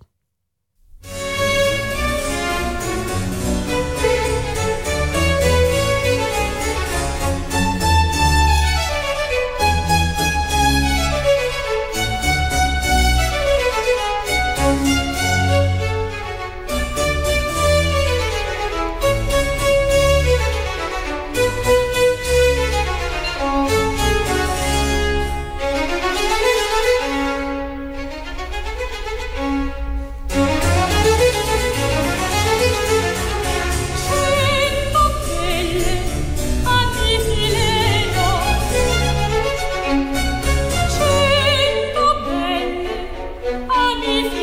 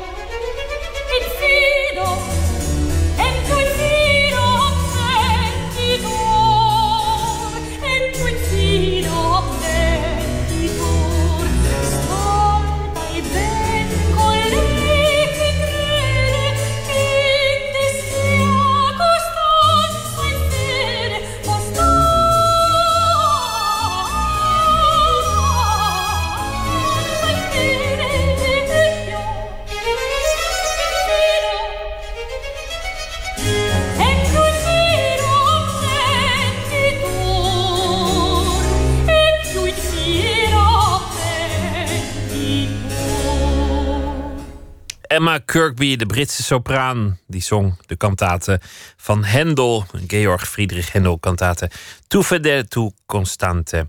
En het was uh, een stuk van die aria in de oude versie. Open kaart.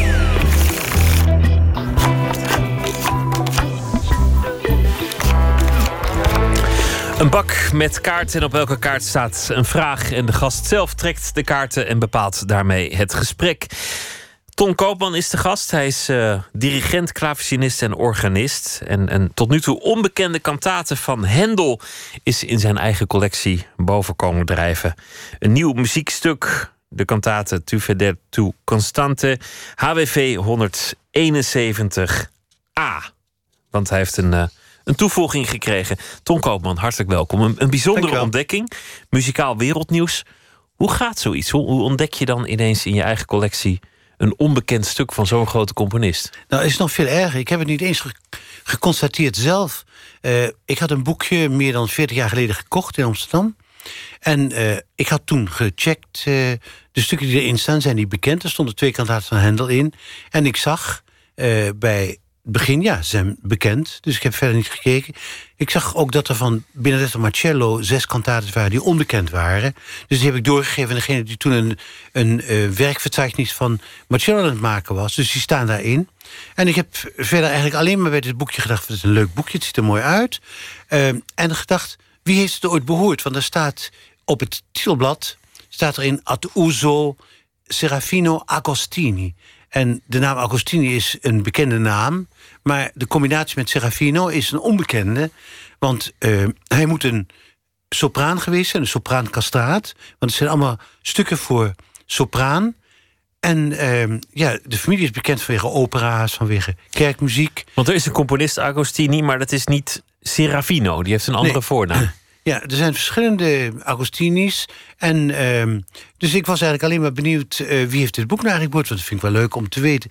En uh, wat ik nog wist was dat het boek ingebonden was. Dat kun je aan de, aan de buitenkant zien. Rond 1780 ongeveer. En het is een, een samenstel, een, een aantal handschriften... door verschillende mensen gemaakt...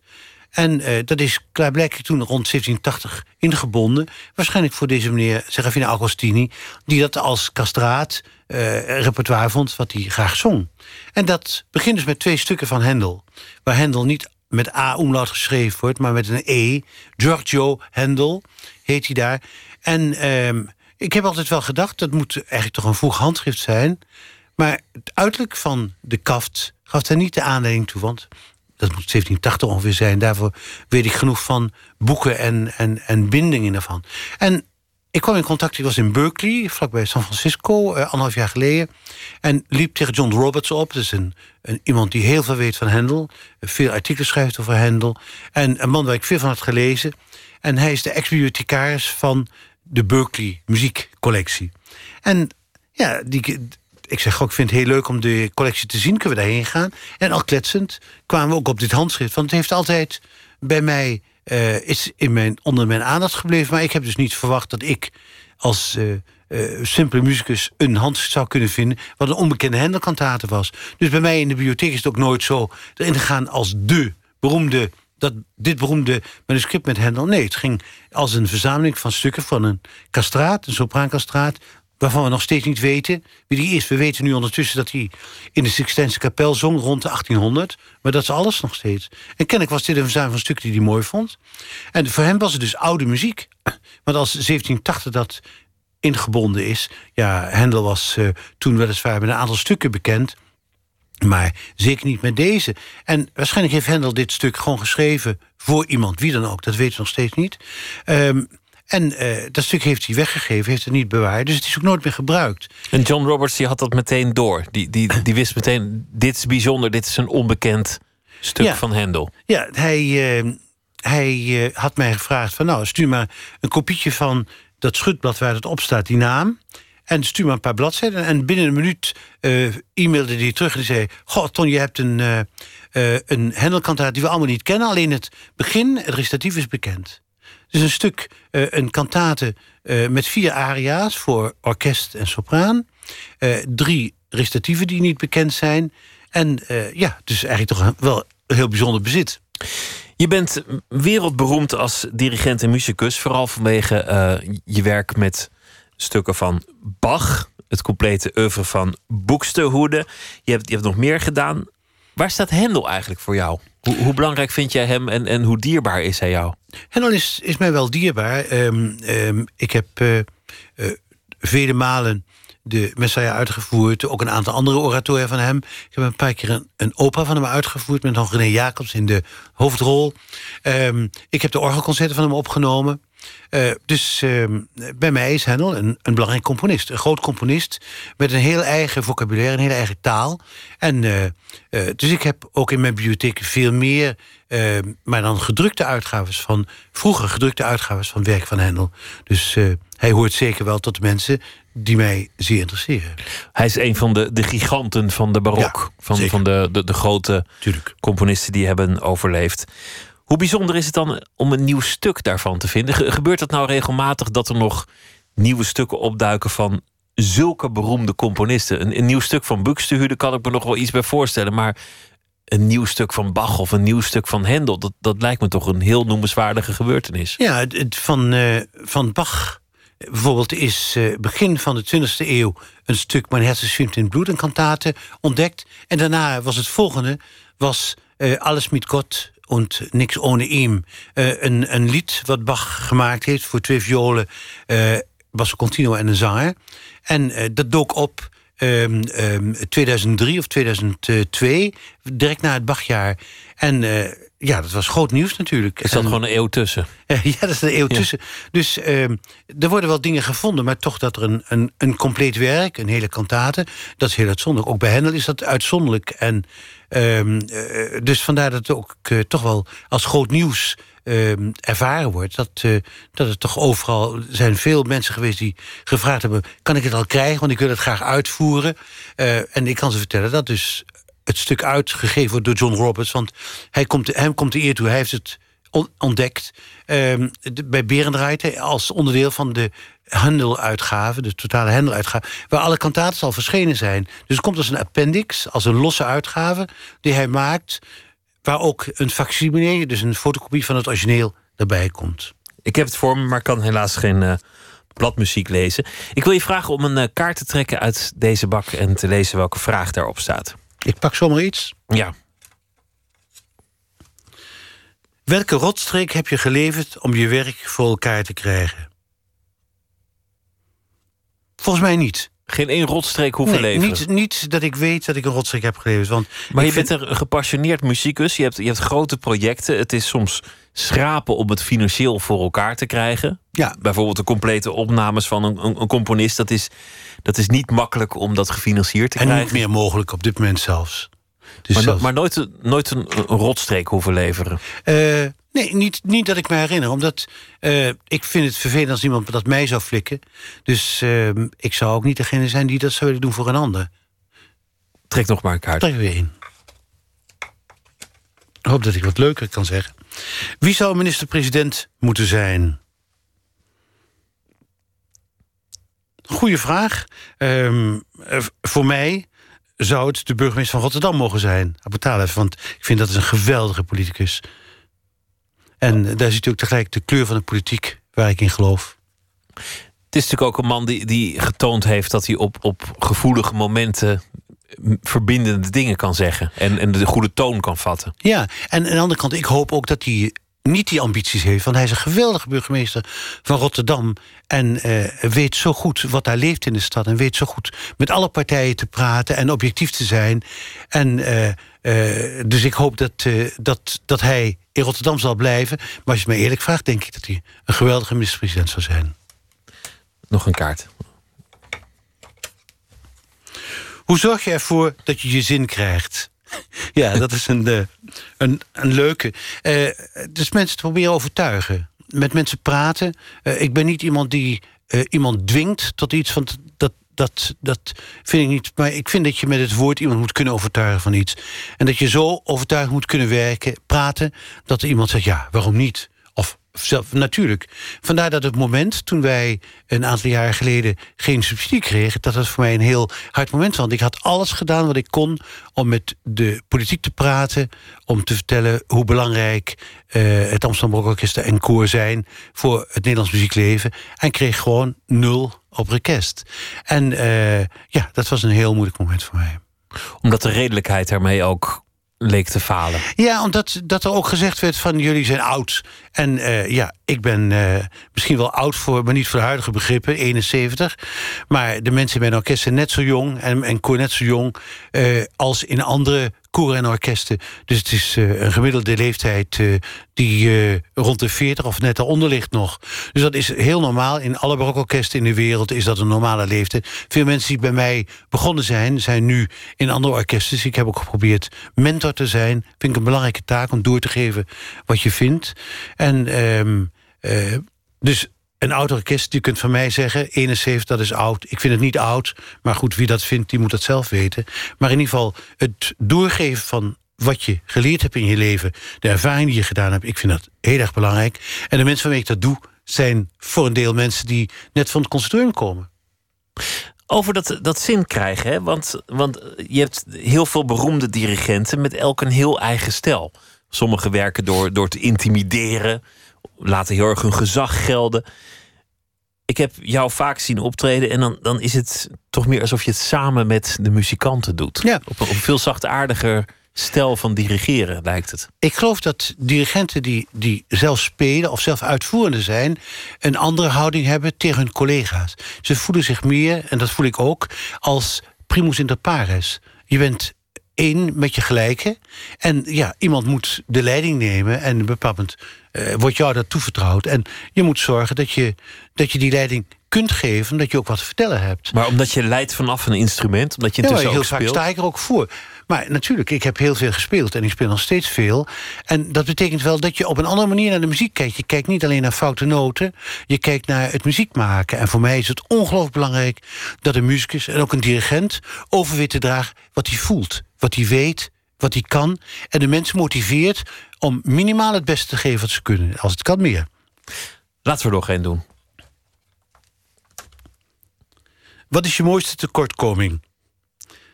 Um, Ja, misschien is dat mijn, eh, mijn verzameling wel. Ehm, als, ik, eh, als ik een mooi boek tegenkom, als ik een mooie prent tegenkom... eh, dan is het, het gevoel van de verzamelaar altijd... die moet ik hebben, die wil ik hebben. En eh, dus eh, ik probeer dan op alle manieren mijn vrouw te overtuigen... van eh, dit kunnen we best wel betalen. En, en zij is bij ons degene die dus de, de financiën doet... en dus veel beter, veel beter inzicht daarover heeft dan ik. Maar ik weet toch wel een beetje wat kan en wat niet kan. En ja, opnieuw het zoeken naar die uitgaven die dan, net zoals bij deze hendel... eh, dan lang niet altijd gebruikt wordt... en soms heel erg intensief gebruikt wordt... soms ook heel intensief gebruikt wordt door studenten. Want mijn bibliotheek, eh, er is een bibliothecaresse, Eline Hol... en eh, die is open als mensen zich melden bij haar... van we zijn met een studie bezig, we zoeken naar dat... heeft Ton dat of dat, of collega-muzikologen of wat dan ook. Ze zijn altijd welkom bij haar en ze laat dingen zien. Dus ik probeer en ik zoek nog steeds naar die dingen die ik niet heb. En ondertussen maak ik eh, heel veel gebruik van haar... die, eh, hè, zoals vandaag, tot er een catalogus binnenkwam... en zei van, hey, kun je nakijken? Bernier, heb ik die cantates? En zij kan dan via de computer, want ik weet niks van computers... tegen mij zeggen, ja, deel 1 heb je, deel 2 heb je niet. Dit zijn de verhalen waar ik het meest van hou. Iemand die een, een hobby heeft die een beetje uit de hand loopt. Het, het verzamelen van, van iets. Je hoort het ook vaak met, met kunst bijvoorbeeld of literatuur. En dan ineens door die verzameldrift op iets heel zeldzaams en heel bijzonders stuit. Dat, Ja. dat is hier feitelijk aan de hand. Ja, het is ongelooflijk leuk om, ehm, eh, net zoals vele verzamelaars... heb je boekjes, heb je papiertje waarop je staat wat je allemaal nog zoekt. En je gaat de eerste de beste winkel winnen. En heel veel van de winkels zijn niet de eerste de beste... want je bent er al vaak geweest. En je gaat in gesprek met zo'n eigenaar die vaak heel veel weet... en wat heel gezellig is en heel leuk. En waar je ook soms gewoon mee gaat eten. En bij sommigen is het zo dat je zoekt wat je leuk vindt... leg je op een stapel, dan ga je eten met elkaar... en de ene keer betaal ik, de andere keer betaalt hij. En daarna worden de prijzen gemaakt. En dan eh, herinner je nog waarom je elkaar eigenlijk aardig vond. En meestal komt er voor beide dan een goede deal uit. En eh, ja, op deze manier zoekend eh, vind je soms dingen waar je al jaren naar gezocht hebt... die je steeds maar niet vindt. Ik heb bijvoorbeeld een, een set van boeken gekocht, Nova Literaria. Eh, dat is allemaal de tijd van Boekstehoede. eh berichten over wat er allemaal gebeurt in Lübeck, in Kiel, in Flensburg en zo. En één deel ontbreekt. Dat moet daarbij geweest zijn. Wie heeft dat ooit gekocht los? Het antiquariaat, eh, voordat het eh, stopte, heb ik nog gevraagd... hebben jullie het misschien ergens liggen? Ze hebben het niet. Ze moeten het aan iemand verkocht. Het moet dus een keer op de markt komen. Nou, dat is een van de grootste urgenties waar ik naar zoek. En zo zijn er eh, meer dingen. Dingen die ik ongelooflijk graag zou willen hebben. En dingen die boven mijn budget gaan. Ton Koopman, dank en heel veel plezier met de muziek. Dankjewel. Aanstaande zaterdag is de nieuwe kantate van Hendel HWV 171a gedirigeerd door Ton Koopman te beluisteren. In mei verschijnt eh, een driedubbel album met muziek van The Grateful Dead, uitgevoerd door andere artiesten, hedendaagse artiesten. En dit keer is het een eh, uitvoering van The War on Drugs die we laten horen, Touch of Grey.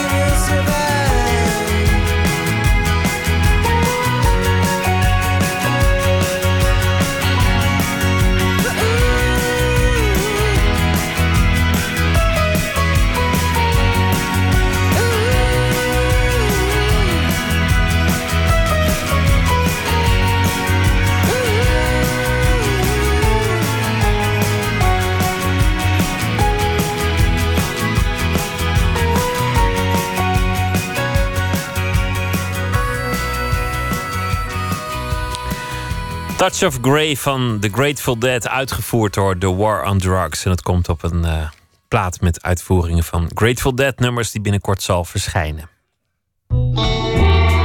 Nooit meer slapen.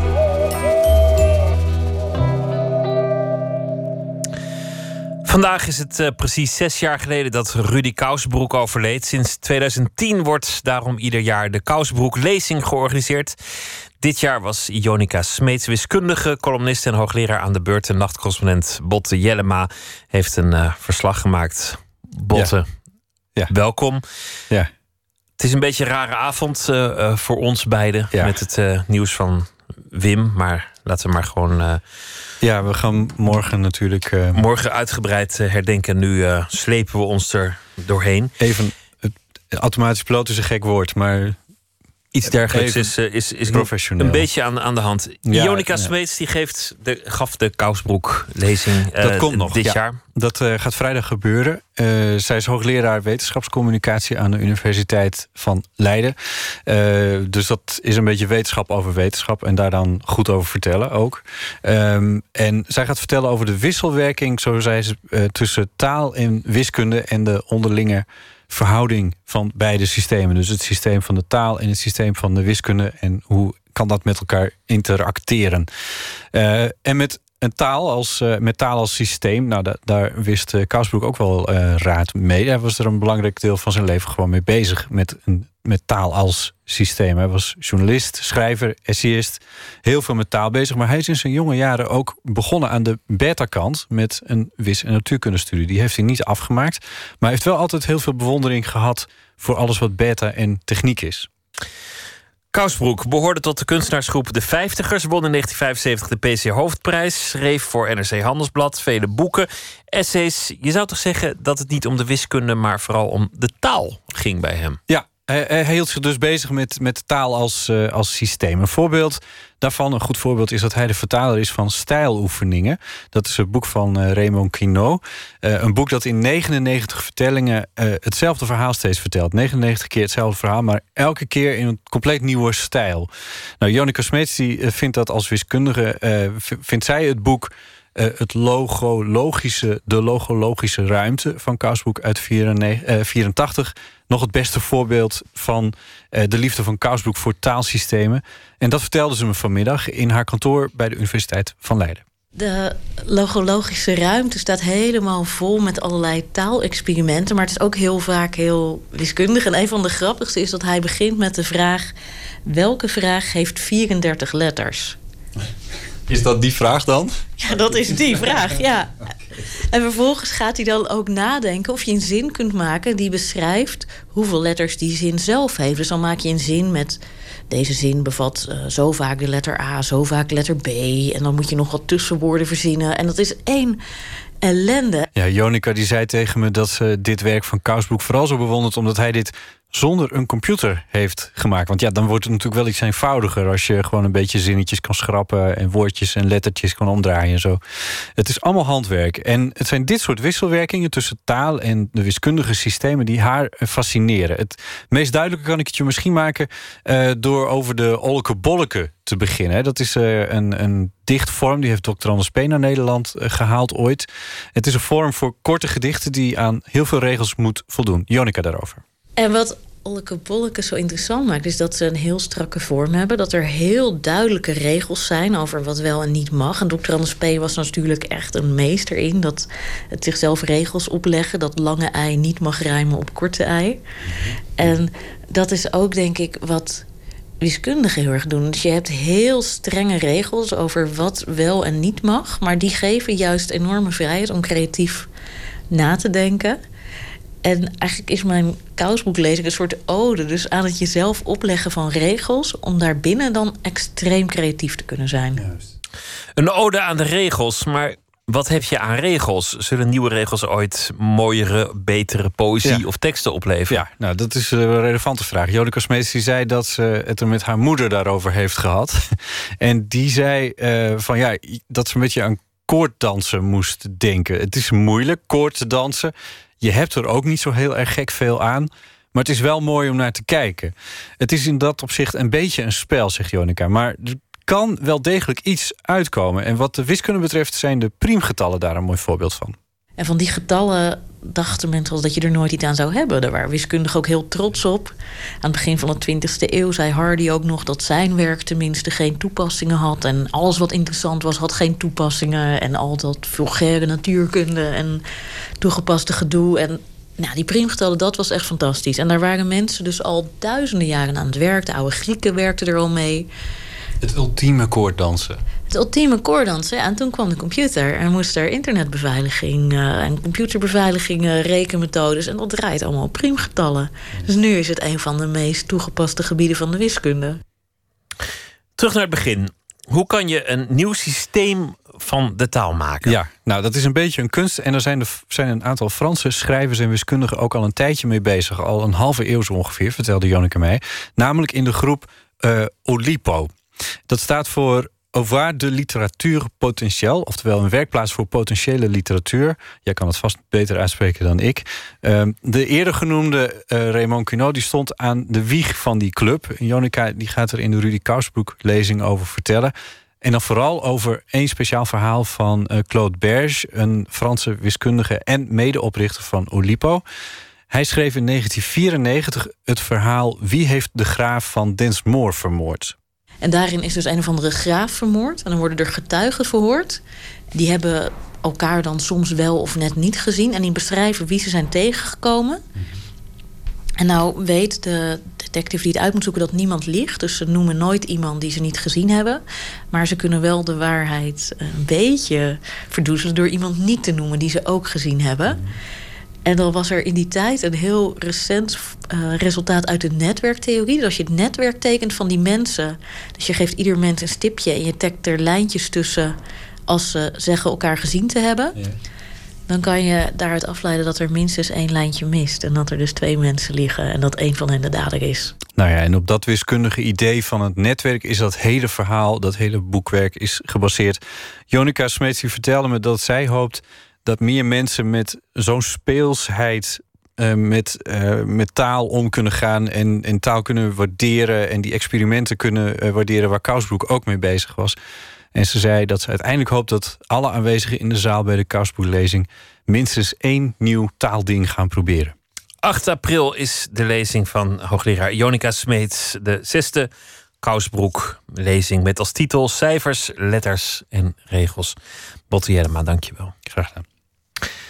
Het album eh, Sound and Color verscheen een jaar geleden en eh, is nog steeds leuk. Alabama Shakes met Guess Who.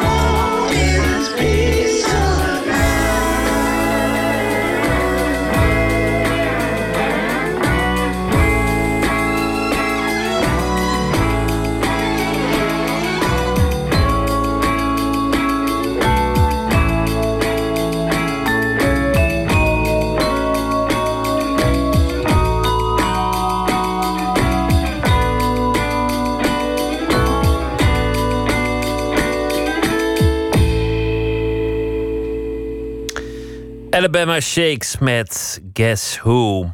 Baban Kirkuki is een eh, Nederlands-Iraakse dichter en deze week zal hij elke nacht een gedicht voordragen. Hij vluchtte voor Saddam Hussein, voor zijn regime in 1999, kwam naar Nederland, debuteerde al daar in 2006 met de bundel Onderweg naar Ararat, publiceerde verder nog een proza-bundel en in totaal vier dichtbundels. En deze week zal hij dus elke nacht een gedicht voordragen. Vannacht een gedicht van de Persische dichter Rumi.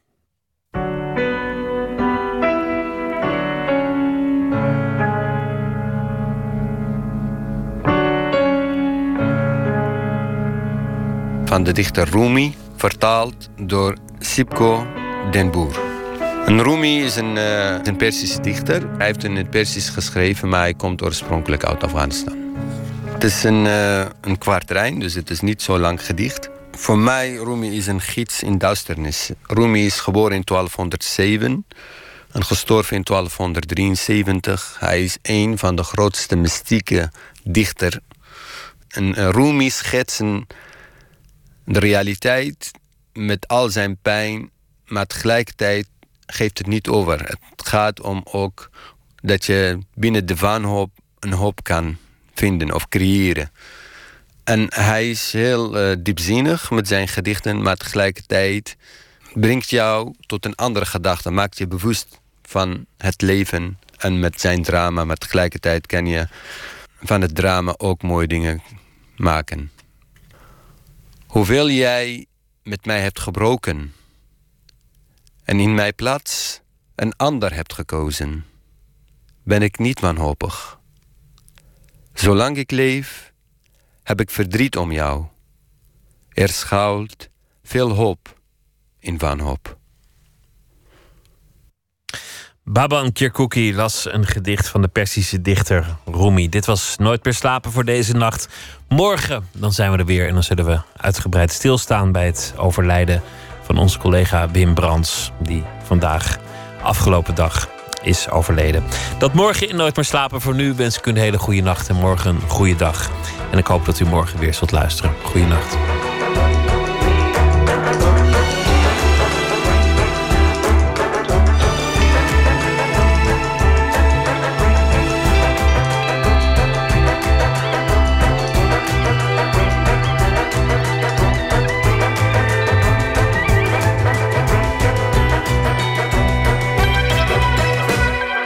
Radio 1, het nieuws van alle kanten.